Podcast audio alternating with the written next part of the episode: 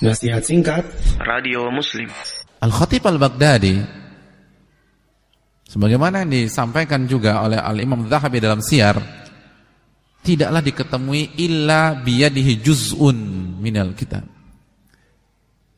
Kalau ketemu Al-Khatib Al-Baghdadi pasti di dia sedang memegang sebuah buku. Beliau baca.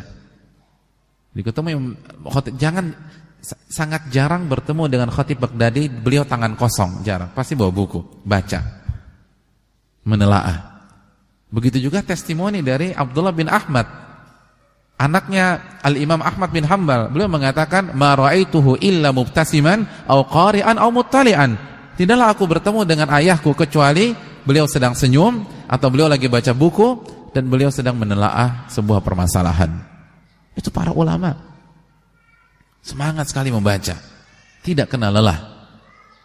Bahkan sampai mereka masuk ke kamar mandi, itu mereka minta saudara mereka atau anak mereka atau pembantu mereka membacakan buku dari luar. Seperti yang dilakukan misalnya oleh Abdul Barakat, kakeknya Al-Imam Ahmad bin Abdul Halim atau yang biasa kita kenal dengan nama Syekhul Islam Ibnu.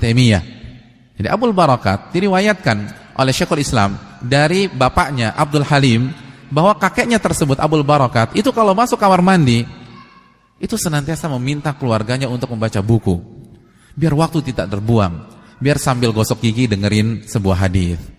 Sambil pakai uh, apa apa keramas sampoan mendengar syarah uh, sebuah uh, seorang para ulama. Ketika sedang misalnya pakai sabun mendengarkan tafsir dari sebuah ayat di dalam Al-Qur'anul Karim. Subhanallah, sampai di kamar mandi hadirin sekalian.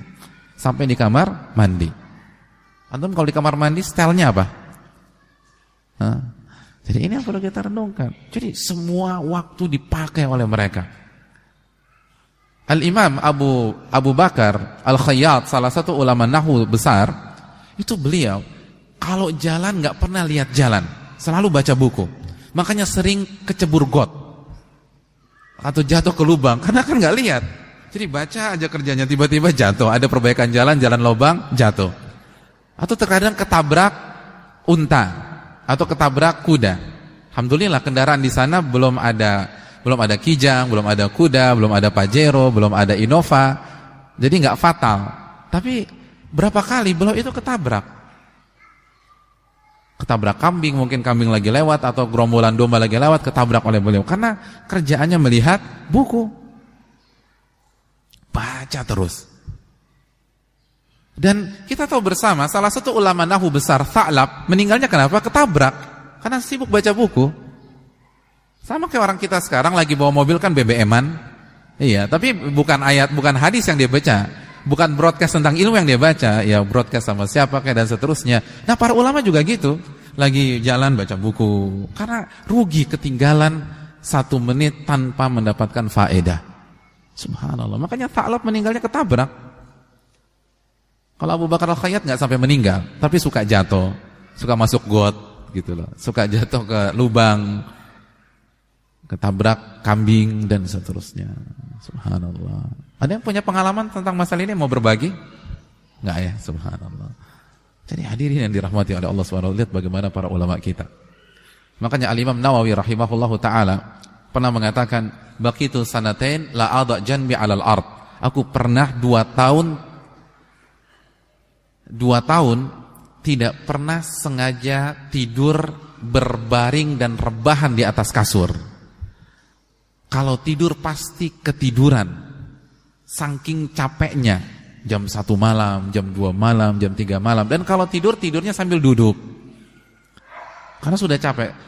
Ketika sudah keletihan membaca keletihan menghafal keletihan menulis keletihan menamatkan sebuah buku ketiduran jam 3 malam ketiduran jam 2 malam. Itu Imam Nawawi Wah, kayaknya sama dengan saya Ustadz. Saya juga kalau baca buku suka ketiduran. Benar, sama. Tapi durasinya beda. Kita baru 10 menit sudah bismika Allahumma amutu ahya.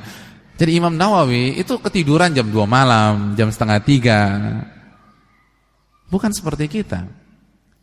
Jadi dua tahun tidak pernah sengaja rebahan di atas kasur.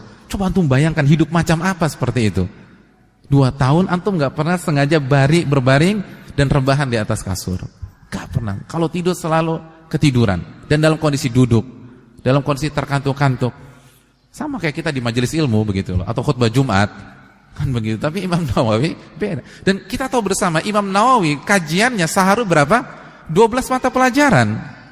12 12 mata pelajaran atau 12 kajian setiap hari. Itu belum waktu mengulang pelajarannya, menghafalnya, mengcross check lagi e, catatannya. Subhanallah. Makanya jadi ulama besar. Makanya walaupun meninggal di usia 45 tahun, tapi karya-karyanya luar biasa. Beliau menulis Al-Adhkar, beliau menulis Riyadil Salihin, beliau menulis Al-Minhaj, beliau menulis Raudut Talibin. Makanya uh, judul buku beliau kalau di uh, dihitung kurang lebih total ada 47 judul sedangkan usia beliau hanya 45 tahun. Jadi kalau menulis dari dari hari pertama masih kelebihan dua dua judul. Iya Jadi usia 45 tahun, judulnya ada berapa? 47. Jadi kalau beliau menulis dari hari pertama lahir, jadi kita kan lahir langsung nangis, kalau beliau lahir langsung nulis buku, itu masih kelebihan dua. Dan kita tahu bersama satu judul bukan satu jilid. Al-Minhaj berjilid-jilid, Radutul Talibin berjilid-jilid. Subhanallah. Karena begitu belajarnya. Sekali lagi hadirin yang dirahmati oleh Allah SWT. Kita harus semangat dalam mengkaji sesuai dengan kemampuan kita. Mungkin kita tidak bisa menjadi Imam Nawawi, tapi paling tidak kita maksimalkan potensi yang kita miliki ini karena ilmu ini sangat mahal. Ilmu ini sangat luar biasa.